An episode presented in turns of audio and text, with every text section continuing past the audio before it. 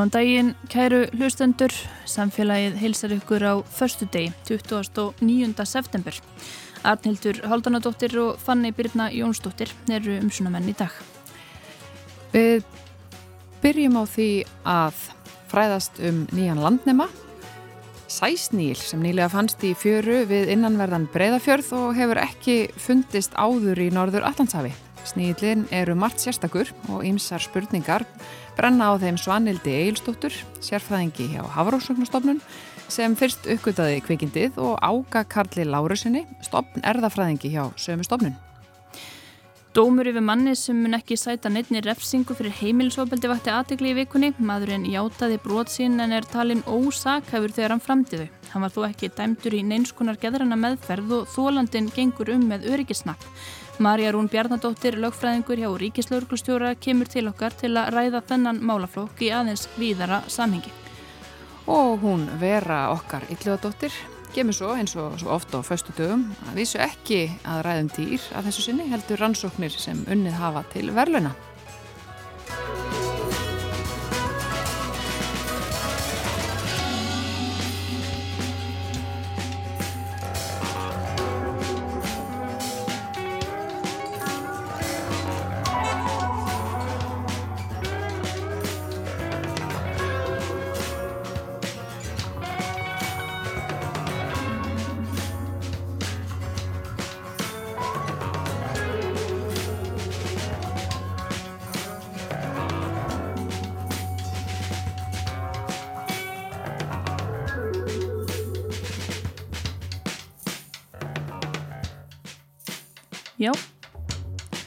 Eru komin hingað uh, Áki Jarl Lárusson frá Hárumsáknastofnun og Svanhildur Egilstóttir frá sömu stofnun og það er þessi nýbúi í breyðafyrðinum. Uh, Svanhildur, við byrjum bara á þér. Þú hefur vanið komur, komur þínar í skjólsæla fjöru við breyðafyrðin og þar sem eru leirur og mikið fugglalíf og svo rekstu fyrir einhverjum árum síðan eða ekki á þennan sníl. Erstu til að segja okkur bara frá þínum fyrstu kynnum af honum? Já, ég, það er þannig að ég hérna, uh, hef komið að ósi á Viðskóðaströnd í hvað, 30 ár og hérna, mér finnst rosalega gaman að mynda fuggla og gaman að vera í fjöru. Þannig að ég fer reglulega út á leirinnar og þetta, það hagar þannig til að hérna, það er hægt að ganga þannig að töluvert út á, á fjöru bara í stífölum og hérna, ég hef gengið hérna um reglulega og mér finnst eins og ég hef séð þetta eru svona hérna, ja, fyrsta eh, sem ég vakti, aðtikli mína voru ekkjasekkir sem eru svona mm, um 30 cm langir kannski 1-2 í, í þverjumál og hérna eru svona svolítið ábyrgandi maður tekur eftir þessu, þetta liggur svona onni í pollum.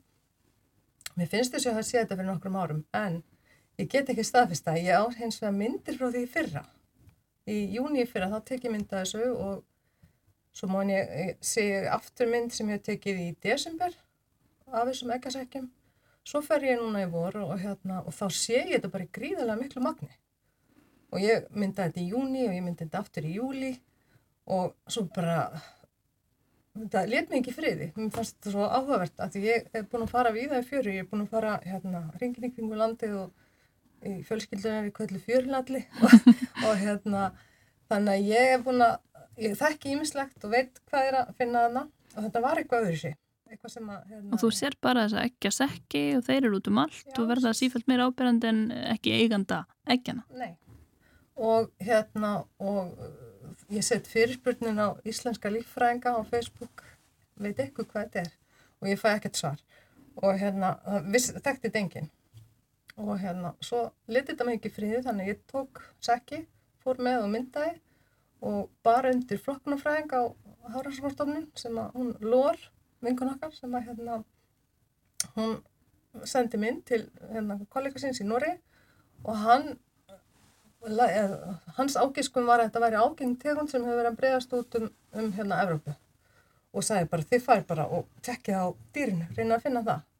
Þannig að við fórum vestur og hérna og finnum þennan sníl og það er mjög erfitt að sjá hann, hann er svona hann er reyna svartur og ég skil að ég hafa ekki séðan á þeirra því að þetta er eins og hérna kræklingur sem kemur svona aðeins upp úr sandinum.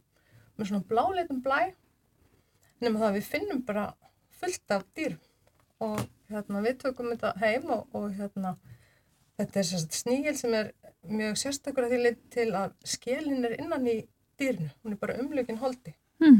og skélinn sjálf er enkenni á tegundinu, þannig að þú mismundi tegundir á mismundi skelljar og við sjáum bara strax að þetta er ekki þessi ágenga tegund sem við heldum þetta væri. Og hérna hann að við höfum samband við Áka sem er sérfræðingur í erðafræði og hérna og hann tekur þetta næsta skref og, og lætur erðagreina dýrið. Já, og þið, ég veit að e, e, þið hafið eitthvað verið að reyna að finna nafn á það og mér skilst að nafnið sé komið þannig ég er svona hugsun hvort að við getum verið með svona smá sæsnigla skýrn hérna í samfélaginu. Já, það er bara alveg tilvæli. Já, Þetta, þetta er svolítið höfverkur. að finna nafn á svona. Að finna nafn, já, Góður umræður. góðar umræðar, já, mér finnst í raun og veru að þetta bara að vera svona dýranafnanemnd eins og það er mannanafnanemnd eða var, ég veit ekki hvort það. Já, Af því að hérna, þetta þarf að vera eitthvað, maður þarf að reikna með því að hérna, komi kannski fleiri náskildir, náskildar tegundir. Þannig að þetta þarf einhvern veginn svona, já svona ákveðna útsjónasemi og, og, og fram, framsýni þegar að, eða hvað. já, og svona taka tillit til ímest þótt En á ég að segja nafnið það? Já, það hendi. Það er svart serkur. Svart serkur Já. og honum líður svona vel hérna í innanverðum breyðafyrði. Já, Að hann bara fjölgar sér í gríð og erg og er að leggja allt undir sig. ég, ég veit það ekki, Vi, við getum ekkert sagt um það, en það er, ég gekk hana 6 km gungu hann út að leirunum og ég sé þetta allstaðar.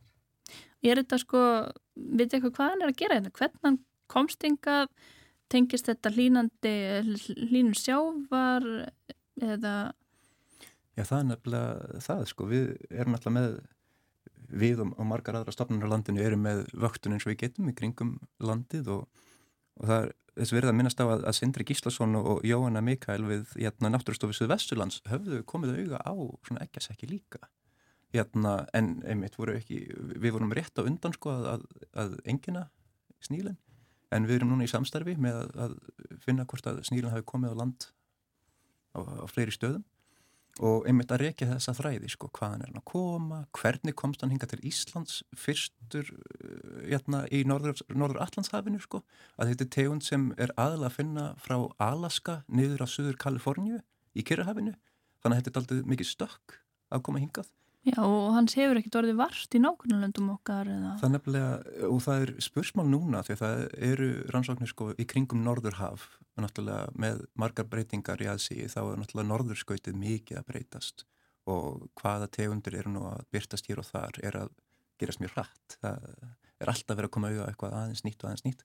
Þannig að við þurfum virkilega að byggja upp hérna, okkar getu að snögglega bera kennsli á aðkomumenn. Hérna, því að við erum að sjá alltaf meira og meira af svona, já, auðsjöðri fjölbreytni sem alltaf lofslagsbreytingar og annað fyrir með sér.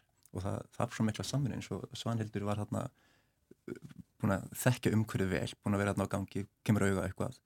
Hún talar við uh, Lord de Montedi sem stendur sér aðslega að, að greina með sveipgerð og, og klassískum aðferðum hvað þetta gæti verið og það tekur okkur næsta skref og svo næsta skref eftir það að vera erðafræðin þannig að við vorum með okkar eigin tól öll sko að koma stað í hvað er þetta og það er greinilegt að við munum þurfa að vera að gera þetta aftur og aftur og aftur til framtíðar sko. Þannig að við ætlum að byggja betri aðstæður til þess að bregðast við og einmitt að tengja fólk sem er með svona meismunandi sérþekningu og reynslur til þess að geta búið enginn á svona gesti já, og kannski virkja almenning líka því að þið kannski komist ekki yfir þetta ganga allar fjörur og, og kíkjundu hvert stein sjálf. það er náttúrulega það bara þekking, hérna, fólk þekkir sitt umhverfi sem að e, e, var tíma í.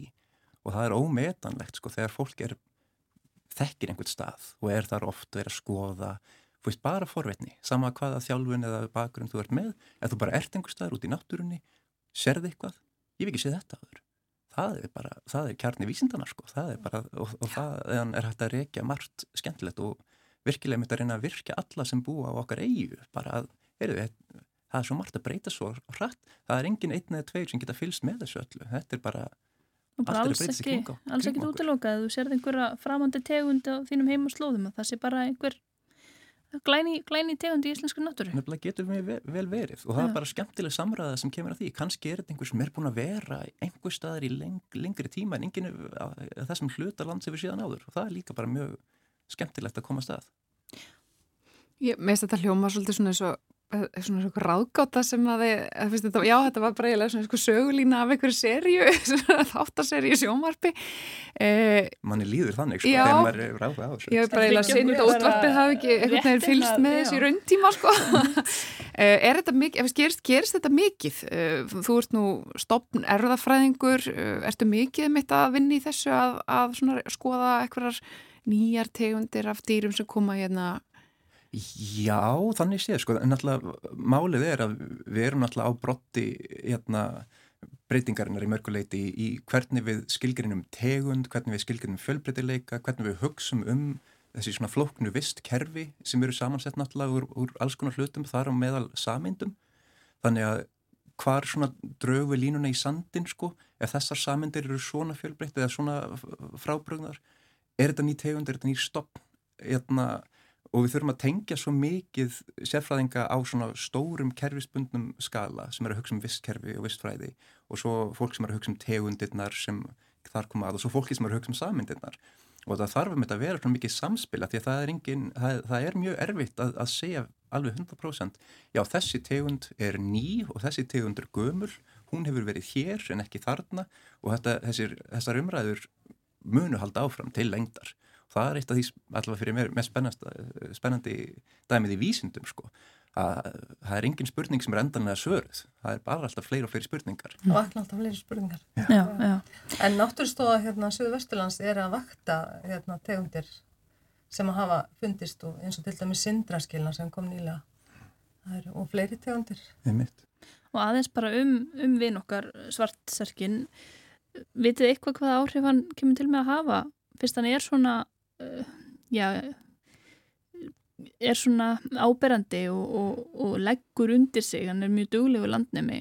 Greinilega. Mun hann trubla annað uh, dýralíf eða hafa einhver svona á vistkerfið eða er hann... Sko við vitum að hann borðar hérna bustorma og, og hérna þráðorma og það er gríðalegt magna bustormi, við, við, þú veist, við bara vitum ekki neitt og ég er búin að vera aðeins við sagði út á leirunum og hérna, það, það er gríðalegt fugglalíf og, og ef að fugglarnir væri að borða hann þá væri, væri hann í minna magni, þannig að eh, ég veit ekki. Það, hérna. Við þurfum bara að bóka ykkur aftur hérna eftir einhver tíma þegar þið viti meira um hann og kannski mitt finnum þetta fleiri tegundir, maður veit ekki hvað kemur út úr þessu kannski, Tí- fyrir ekki, tími er náttúrulega líka stöðull í þessu því að núna ef eitthvað er ný komið það er mjög líklegt að aðra tegundir fyrir utan okkur eru líka núna fyrst að taka eftir dýrinu. Þannig að viðbröð visskerfisins er ekkit endilega að, að fara hraðar en við.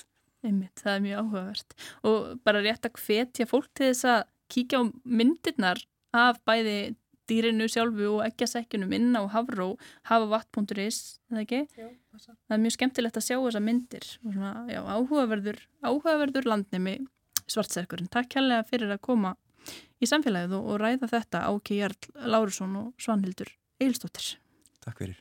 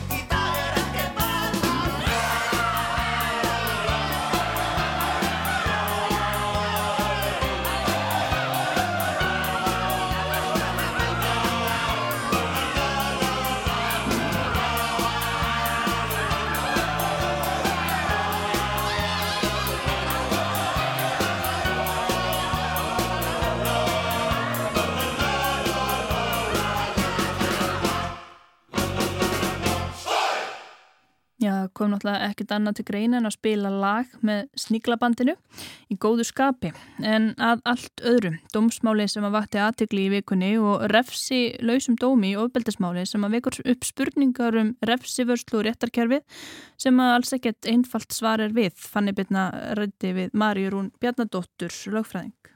Dómur yfir manni sem mun ekki sæta neittni refsingu fyrir heimilisofbeldi vakti aðtegli í vikunni. Maðurinn játaði brot sín en er talin ósakhafur þegar hann framti þau og var ekki dæmdur í neins konar geðræna meðferð uh, og þólandin gengur um með örgisnapp. Dómurinn vekur upp spurningar um refsivörslu og réttakerfið sem, alls ekkert einfalt svarir við og hingað er komin Marja Rún Bjarnadóttir, uh, lögfræðingur hjá Ríkis lauruglustjóra og við ætlum að ræða já, þennan málaflokk í aðeins víðara samingi heldur um bara uh, þetta einstaka mál. Velkomin Marja. Takk fyrir. Uh, það er sjálfgeft, er það ekki, að menn séu metnir ósakafir og, og refsing sé ekki talin bera neitt árangur. Þetta er ekki eitthvað sem við sjáum á hverjum degi í, í, í þessum, þessum málaflokki. Ég þóri kannski ekki alveg að fullina með tölfræðina en, en jú, ég held að þetta er ekki, þetta er ekki algengt, Mm. eh, held ég sé óhætt að segja. Og það er náttúrulega heimil til þess að dæma menn í sagt, refsingu sem að fælst í einhvers konar meðferð. Mm -hmm. Eh, það er ekki gert í þessu máli sé. Um, það hefur verið gert í auknum mæli. Uh, ég hef séð allavega nokkra dóma núna nýlega þar sem að gerendur í, í ofbeldis, eða kynfyrsbrotum og heimilisofbeldismálum hafa verið dæmdir til þess að, að hérna, leita sér aðstöðar bæði hjá taktu skrefið þar sem að er, er úræði fyrir gerendur í kynfyrsbrotum og uh, öðru, öðrum úræðum sem er aðgengilega fyrir gerendur í heimilisofbeldum. Þannig að, að það er svigrum til þess en auðvitað, þetta auðvitað liggur hjá dómarunum alveg eins og matið á því hvaða gögn um, styðja síknu eða sakvellu í málinu e, að þá hefur dómarinn frjáls sönnunamatt eða það sem er kallað, en og veru ákveður hvaðan byggir á og hvaðan byggir ekki á og hvað er samfærandi og hvað er ekki samfærandi og sama með refsingarnar að þá eru þetta svona viðmið sem er gefið í löggefinni sem að segir eh, hvaða hámerki meir refsa fyrir tildingi brot. En það eru þetta dómaran sem meta í raun og veru hvað er viðiðandi refsing fyrir, fyrir hvert brot. Uh,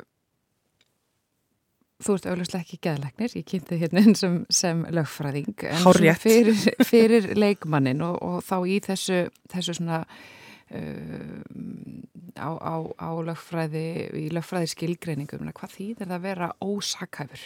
Það þýðir að, að, sko, í, til þess að vera látin sæta refsjábyrð, að þá þarftu að uppfylla nokkur skilir þig. Þú þarft að vera sakhæfur og í sakhæfi þá fælst að þú sér til dæmis ára nóg gamall eh, og að þú vitir í raun og veru hvað þú ert að gera. Getur með kannski einfaldlega útskýrta. Og svo náttúrulega þarf að vera hátt sem þarf að vera ólumætt og, og, hérna, og þú þarfst að uppfylla svona ákveðin sagnami skilir þig þannig að þessi frami með ásetningi eða gálisi og náu svona ákveðinu stíi þetta eru svona, svona um það byrj viðmiðin. Um, og þannig að ef þú ert metin ósakafur, það getur verið vegna aldur, sem það getur verið vegna eitthvað annar aðstæð, eins og til dæmis það að þú sért í geðrósástandi eða, eða sért í raun og veru ekki færum að taka ákvarðanir eða, eða stýra þér Mm e, vegna einhverja aðstæðna. Og í þessu máli til dæmis og almennt þegar, þegar uh, já, verjendur halda því fram að, að, að fyrir þeim einstaklingum sem komið eins og þú lýsir þarna að þeir séu ekki ábyrgi gjöða sinna, þá gengur þetta þannig fyrir sig að það er einhver, einhver sérfróður fenginn til þess að leggja mata á þetta. Já, já. Og þá er, þá er kallið til svona matskerð uh, og fengið þá sérfróð matsmaður. Uh, í þessu þá náttúrulega líkur sérþengingin mitt á, á sviði geðlækninga, uh, myndi maður ætla. Og, og þá í raun og veru st- fær dómarinn mat þessa sérfræðings og svo metur hann hvort að það mat eigi að leggja til grundvallar eða ekki. Mm -hmm. Það líki þessu þetta að, að, að, að, dómarinn telur að, að refsingin ber ekki neitt árangur Mm um, og þannig mæntalega einhvern veginn verið að, að, að vísa til þess að, að mm, viðkomandi sé í einhverju meðferð og, og hérna, sé ekki þessu ástandi sem hún lístir. Uh, en þetta er svona kannski það sem að eina af spurningunum sem vakna Mm. uh, árangur refsinga Einmitt. og þetta lítur að vera svolítið spurning um það hvað við lítum á sem refsingu Mm. yfir leitt og það má alveg ímynda sér rosalega margar aðstæður þar sem við erum að fangilsa fólk þar sem að það reynist beinlega skadlegt. Mhm. Uh, hvernig virkar þetta? Já, þetta er nefnilega, ég held að sko, ég, ég náttúrulega, ég viðkynni það, ég var rosalega spennt þegar ég sá að dómsmálaráð þeirra var að bóða það að hún ætla að fara í endurskoðun á, á fullustulögum og fullustulögin er í raun og verið það sem að stýrir því hvernig við framkvæmum refsingar. Ég held að það sé bara frábært og, og hérna þó að lögin hafi verið endurskoðu tildurlega nýlega, þá breytir samfélagið okkur rosalega hratt og við sjáum það náttúrulega líka bara eins og þess að eftir þess að MeToo-bylgju og við sjáum bara eftir því sem er svona dómsmál og, og svona umræður um sagt og sakleysi koma meira inn í samfélagið, svona meira út úr réttakerfinu og inn í samfélagið að þá hérna er þetta eitthvað sem að bara þarf að, þarf að ræða og ég held að bara hérna Ég held að þetta er mjög spennandi vinna sem er framöndan hjá, hjá dómsmarraðanum. Ég bara fagna því að, að það sé verið að skoða þetta sko. Að því að hérna, við þetta sjáum það að við erum komið með alls konar lausni núna sem er hægt að fullnista refsingar. Það eru, það er hægt að vera í samfélagsstjónustu, það er hægt að vera með rafran öklabönd, e, það eru svona, það er hægt að fá svona styggskiptingu, þú veist, þú ert kannski fyrst í, í hérna, fangilsi þar sem er, sem er lokað og ef þú standuði vel, þá getur afplánað í opnum fangilsi, kannski með einhverju skilruðum. Þannig að það eru svona, þetta, þetta er orðið meira heldur en bara einhvern veginn sko sitja á litlarhaunni eða vera frjáls það, er, það, eru, það eru fleiri möguleikar á milli. Markmið lítur náttúrulega alltaf að vera að koma í veg fyrir sko að brot endurtaki sig. Einmitt. Og það er náttúrulega það sem er kannski hugmyndin með eins og betrunar veist og, og, og þessari svona betrunar nálgun í, í svona fullnustu rafsinga hún gengur náttúrulega út á að koma í veg fyrir að kom, fólk komi aftur í, í fangelsi. Og það eru þetta bara verkefni sem við þurfum alltaf að vera að skoða held ég.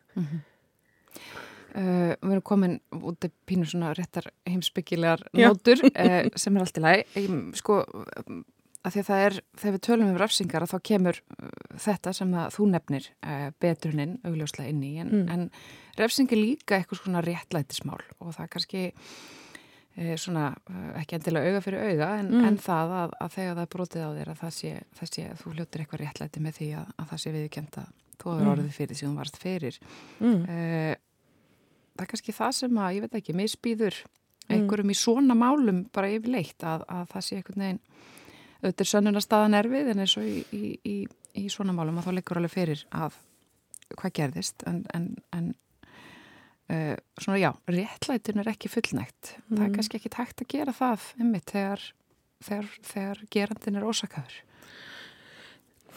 Þetta er bara rosalega góð spurning, einmitt, og bara frábær spurning á, á, hérna, á prófi í, í ég, sko.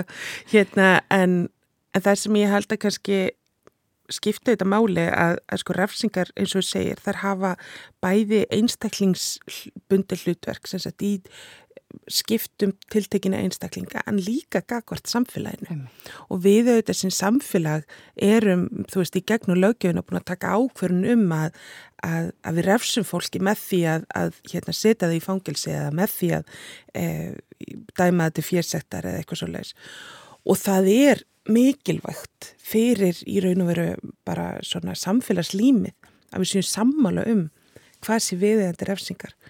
Um, ég held að sko þetta með réttlæti og hvort að réttlæti náist með, með fangilsveist þá held ég að það sé rosalega líka bara það er bara þólendur ábyrgsbrota hvort sem að þau eru kynfyrsbroti eða heimilisofbildi eða bara hefbundið líkamlegt ofbildi að hérna þeir eru líka einstaklingar og hafa mismundi hugmyndir um, um réttlæti.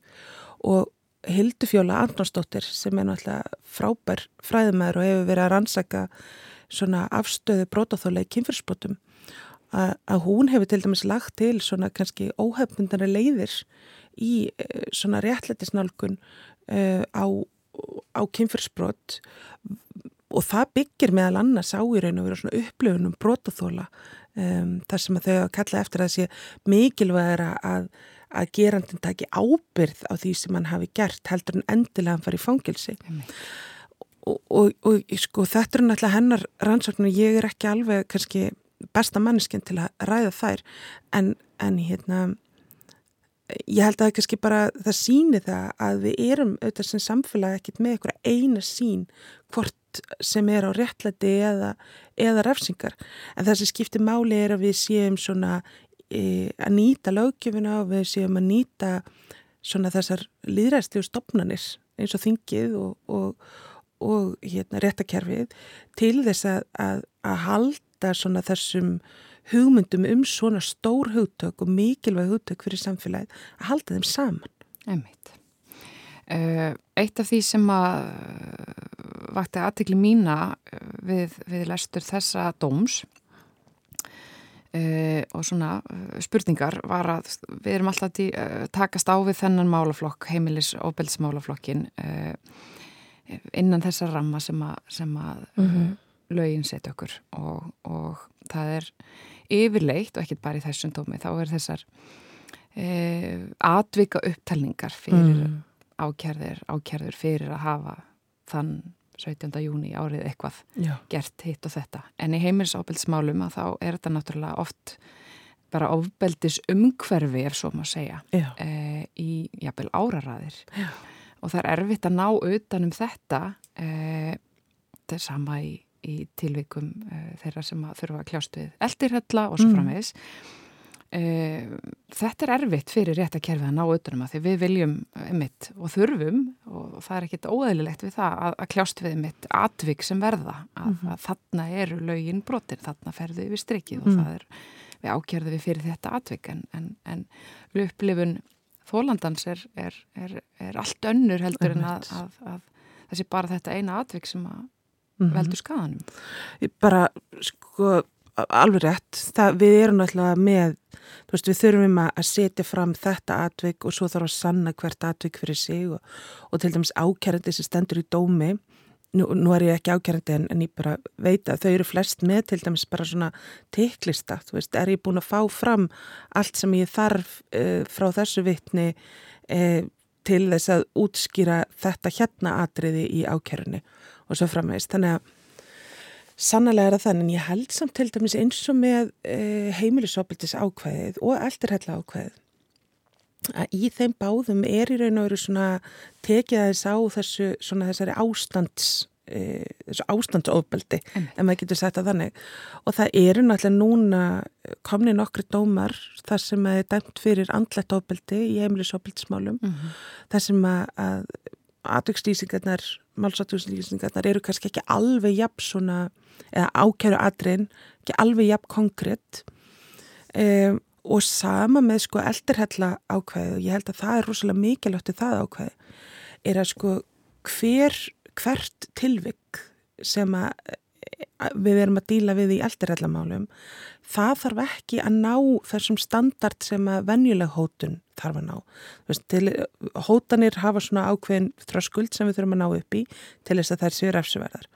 En þegar við erum að tala um eldarhella að þá er það þessi ítrykkun, þetta, á, þetta stanslusa áreiti, þá er það það sem er refsvert, ekki hvert atvik fyrir sig. Mm. Þannig að það er svolítið sérstatt ákveði í raun og veru, Mhm. að, hvað það var þar.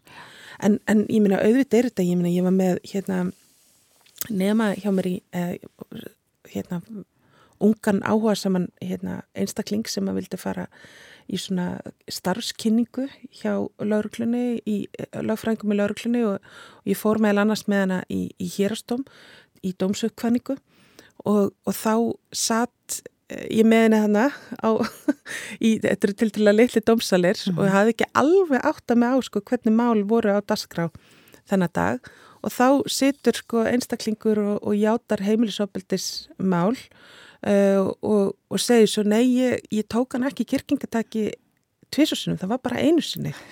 Og ég hugsa að þetta er rosalega skrítum veruleiki að, kynna fyrir hérna uh, ungur mannesku.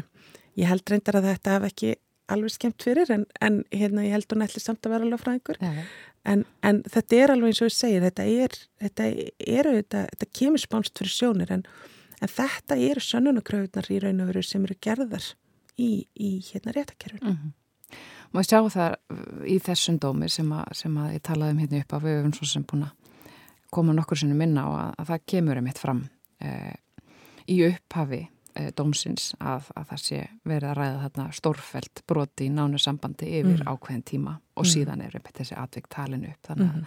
þetta er greinlega sé að, að, svona leka hægt og rólega Mm. eh, inn í dómaframkvæmdina.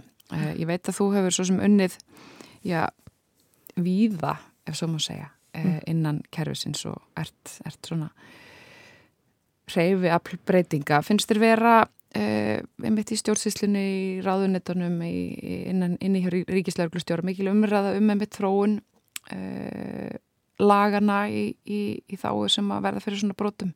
Eru, eru flestir meðvitar einmitt, einmitt um þetta sem hún rættir áðan? Breyttan veruleika og svona, já. Já, ég skinni að þannig. Núna, um þessa myndi þá er ég að leysa af sem forstöðumæður mentasettus lauruglunar. Þannig ég fæ að sjá bara svona alveg í hérna, bara alveg tiltörulega svona nálægt sko hvernig mentunin fer fram og, og hérna og það er rosalega spennandi, það er rosalega áhugavert og við erum að sjá til dæmis sko svona þróun í því hvernig mentu lauruglumanna til dæmis hefur átt sér stað, hún er farin úr því að vera bara í, í hérna gamla laurugluskólanum sem að vera auðvitað bara fýtt fyrir hérna sína sakir e, í því að vera komin á háskólanám og, og við erum að sjá til dæmis er Hildur Fjólaði mitt einn af nýjum fastránu kennurum í prógraminu. Þannig að við erum að, svona, að halda að um, lörglumönnum svona fjölbreyttari sín heldur en áður var. Ég held að það skili okkur um, heilstiftari lörglumönnum sem að hafa svona já, dýpri skilning á samfélaginu og, og með þessu vil ég alls ekki segja að aðrir sem að voru mentaðir áður hafi það ekki en, en ég held að þetta svona þetta er kosturinn við það að færa þetta upp á háskólasteg ég held að að við sjáum það allstaðar ég meina við sjáum að í þessari nýju aðgera átlinu í, kynfyr- mál- í kynfyrsbrotamálum til dæmis frá dósmárraðanutinu það eru rosalega flotta tillögur í, í því og ég veit að svo vinna er bara komin á hel, í heljarna gang og fyrir kannski almenning þá eru, eru til dæmis sumar að tillögunum þarna kannski ekkit eitthvað rosalega þetta hljómar ekkit eitthvað rosalega sexy stundum sko en oft þá eru verður rosa mikla breytingar með tiltrúlega óspennandi að, aðgerð Einmitt. eins og til dæmis bara að eh, setja verklagsreglur um rannsók kynfyrsbrota. Þetta hljómar ekkit eitthvað eins og eitthvað algjört breykþrú sko en, en ég held að þetta er að verða það. Uh, og svo vinna er hafin þannig að ég, ég er rosa bjart sín á það að, að, hérna, að kerfið haldi áfram að þróast vegna þess að samfélagið heldur áfram að þróast og kerfið sem heldur ekki við restina samfélaginu það náttúrulega missi tilgangsinn ekki satt.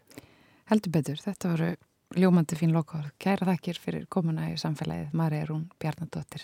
Takk fyrir að bjóða mér.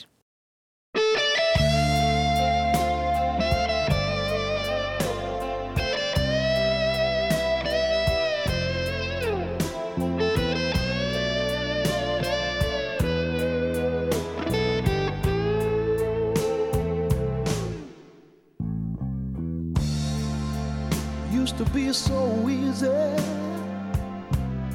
to give my heart away. But I found out the hard way there's a price you have to pay. I found out that love was no friend of mine. I should have known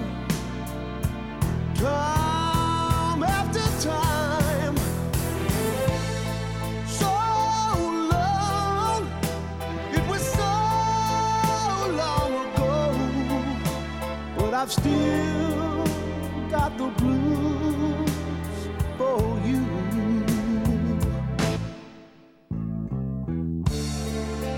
Used to be so easy.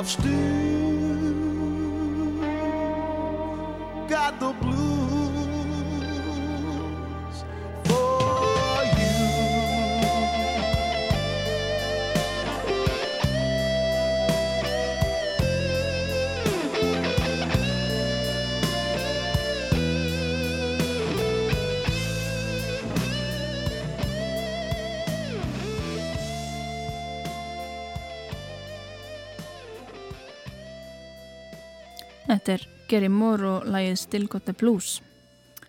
Já, rólegt og romantist hérna hjá okkur í samfélaginu í dag. Eh, við fórum aðeins inn í svona hálfgjert dýraspjall hérna fyrst í þættinum að ræða. Já, ég myndi segja við höfum afgreitt svona þetta hefðbunna dýraspjall fyrstu dagsins. Já, með þessari nafngiftar aðtöfn sem við heldum hér fyrir Já. svart serkin. Já, Nýja landimann, Sæsnýlin sem fannst í breyðafyrðinum. E, en hún er komin til okkar, hún vera Ylluadóttir sem heldur svo oft utan um dýraspjallið en hún ætlar að vera á öðrum nótum í dag en þó ekki alveg, kannski mjög fjarskildum vera. Nei, ég ætla að uh, rennur blóðu til skildunar að- fara yfir ákveðið fréttamál sem að ég hef stundum gert áður hér í samfélaginu.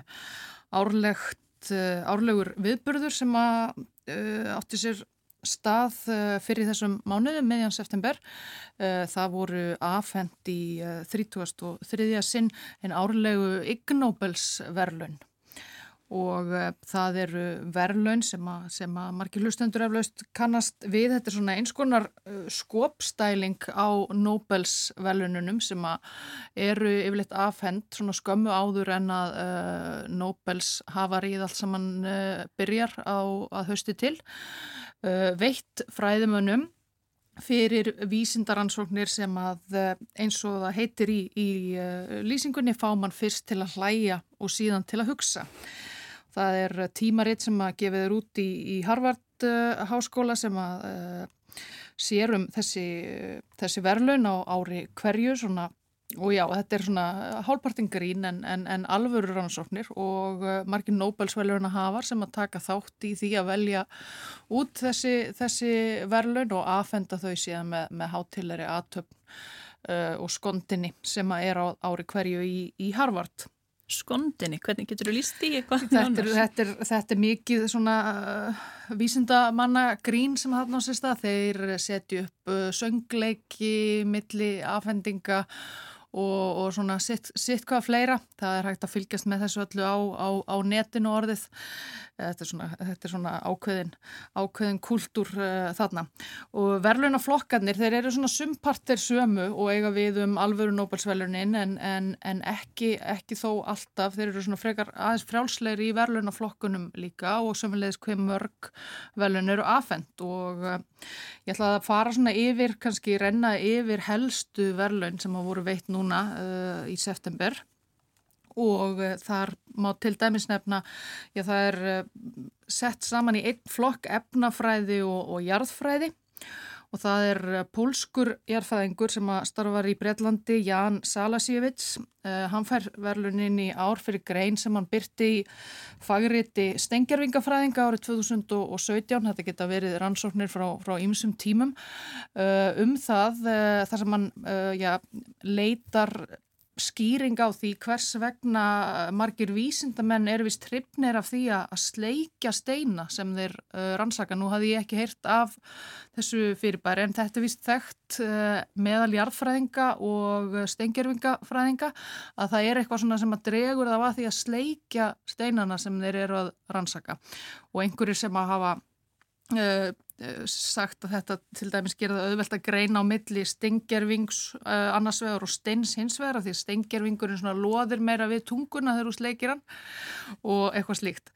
En hann sum sé í þessari grein rekur þessa tilneyingu aftur til stein, steinfræðings, ítarsk steinfræðings Giovanni Arduino á 19. öld sem hann færir einhver rauk fyrir að hafi, hafi byrjað, uh, byrjað þennan tendens meðal, meðal uh, jarðfræðinga og kemur síðan með svona ymsar kenningar um, um þetta fyrirbæri en, en, en engin svona ákveðin óvíkjandi niðursta samt í þessu, þessu máli skilst mér á að hafa rendi yfir þetta. Þetta sem sé fær samt sem áður verlun uh, fyrir í jarðfræði.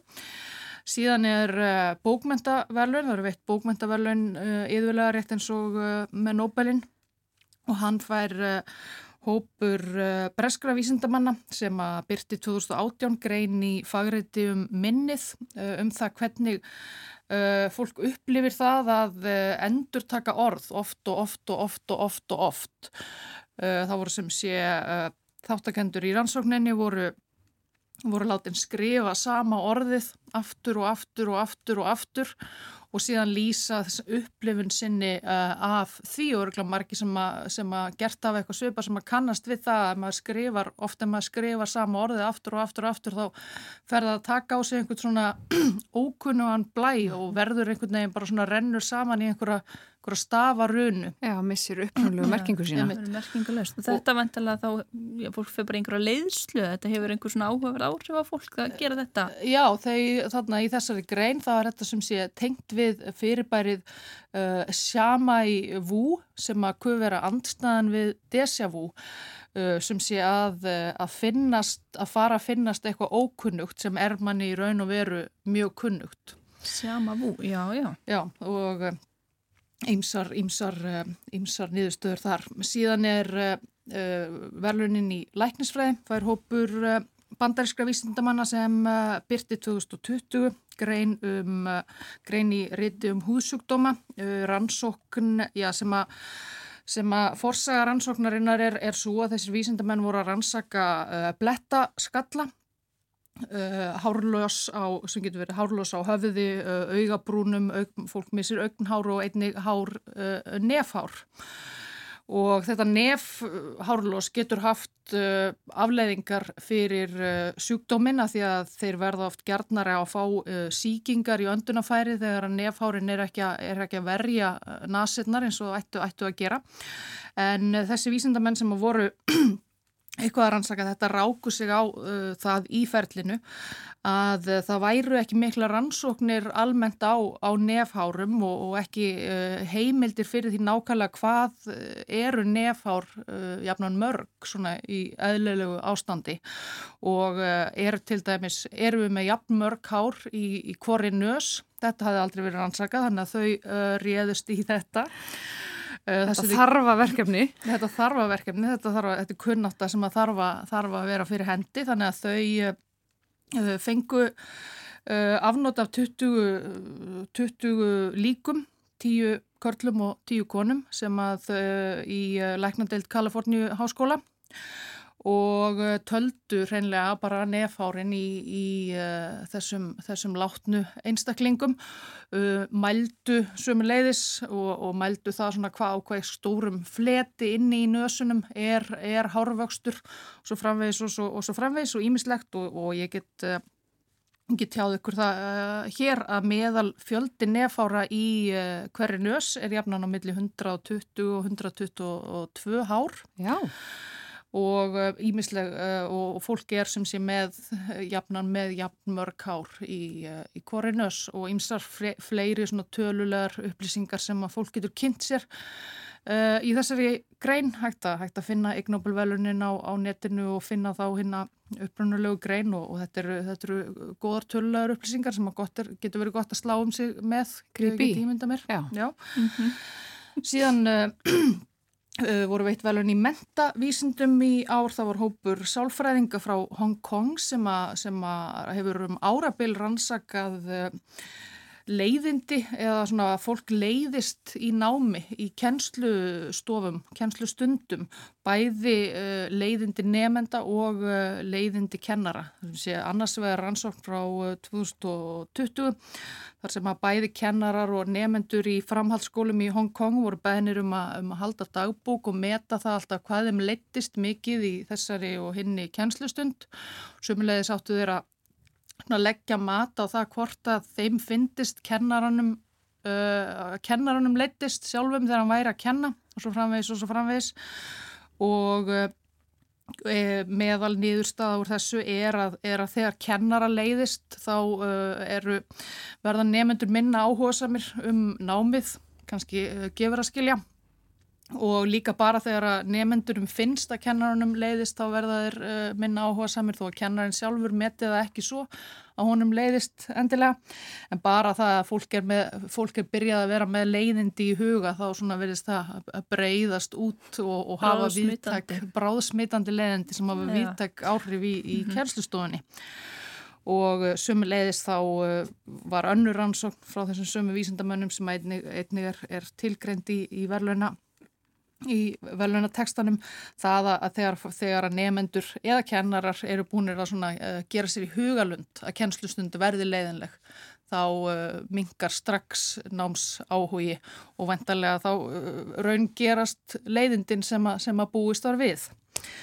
Þannig að þarna má öruglega læra ímislegt. Já, svona vítaringur, kunnulegur vítaringur kannski. Emitt. En já. það, já, mitt kannski sóknar færi þarna þá að, fara að peppa nefnundur fyrir kennslustundir og, og kennarar svona setja sér í stellingar og virka kannski, já, hljóma meira áhuga samir en þeir umverulegri, hefur það ekki, hverja lustin er? Einmitt það.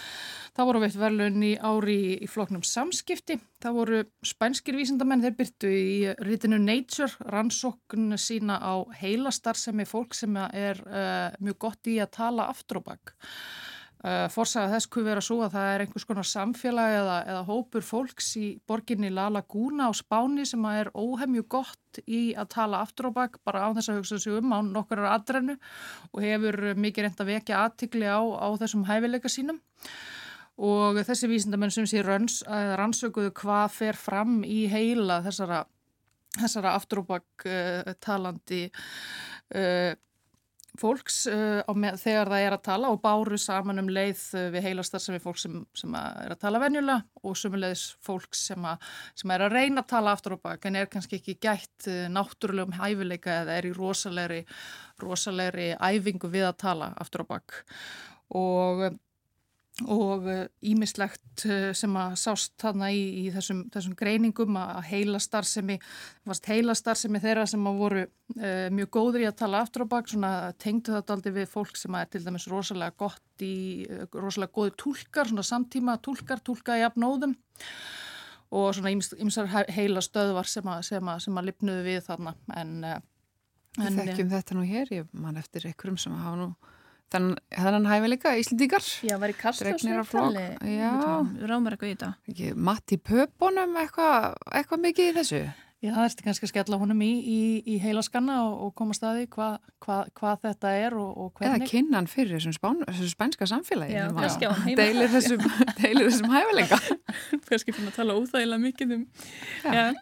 Uh, þetta, þessar rannsóknir talar um það að þetta er svona já, kannski hlægilegt á yfirborðinu en mæntalega sko þegar stundur verið að skipta rannsóknum í svona praktíska rannsóknir og svona grunnrannsóknir og kannski kemur eitthvað mjög gaglegt út úr þessu oft, þetta er kannski mikilvægt Já, ég held að, að það með segja auðvitað sumar á þessum rannsóknum að getur kannski ekki gert sér í hugalund strax nákvæmlega hvers vegna eða hvaða gagn þetta muni, muni skila samfélaginu en ég held að oft, oft eru þetta rannsóknir sem að já, þarf, að, þarf, að, gera hlutir sem við þurfum að hafa hreinu og eitthvað sem verður síðan nota til, a, til að byggja á eitthvað annað eins og, eins og það að við verðum að vita hvað við erum með mörg, mörg hári, hári nefinu 120 til 123 var það ekki? Jú, það var, það var eitthvað slíkt uh, og þetta sem sé, já, þarna hafa margir alvöru merkilegi vísindamenn hlotið, hlotið uh, þessi verðlaun, kannski fyrir ekki sínar allra, allra frægustu rannsóknir þó meðal annara verðlaun að hafa í ári er, er já, Lungu látin maður, uh, Stanley Milgram félagssálfræðingur sem að gerði uh, frekar óhugulegar tilraunir óhugulegar, alræmdar og, og frægar uh, tilraunir um, um, um hlýðni og, og því tengt en uh, þeir vekja þarna aðtegli Ig Nobel menn á annar rannsókn sem að hann gerði 1969 á því uh, hver taldi það einhvern veginn hvað margir líta upp á götu þegar þeir sjá einhvern annan vera að horfa upp létt sem sé leikara horfa upp á, á ekkert einhver staðar á gödum New York og, og, og, og rannsakaði það hver margir, hver margir uh, öpuðu það eftir þó að síðan væri ekkert að, ekkert að sjá eitthvað slíkt. Þannig að það, er, það eru ólíkustu vísindamenn sem að, sem að fengu verðlun í ár. Og eins og þú sagðir, einhverjir sem hafa síðan hlotið Nóbelsvölunum sjálf, en þetta er ekkit skilt við svona ratsivelun, þetta er bara gaman, þessu fólki finnst gaman að fá þessu velun, ekki satt? Jú, ég held að flesti líti bara á þetta sem, sem heiður, það er nú einhver dæmi um að, um að fólk kannski móðgist eða, eða gerir það ekki, að kannski uh, stefni ekki beint uh, til harfarda á ver, sjálfa veluna aðfendinguna, en mjög margir sem að taka þessu bara sem, sem hinnum mesta, mesta á skondna heiður. Að lokum bara er einhver verðlunagreipur, hvernig er hann? Það eru held ég nýjir verðlunagreipur á hverju ári, þeir eru oft mjög undarleir og já, það eru, það eru ótal, ótal sérfiskur í gangi í kringum, kringum þessi verðlun. Nefnir, takk fyrir þetta að vera ílöðadóttir og við förum bara að slá bóttin í samfélagið. Arlindur Haldunadóttir og Fanni Birna Jónsdóttir þökkum samfélgina í þessari viku og bara vonum að þið njóti helgarinnar. Við erum stað mánudaginn.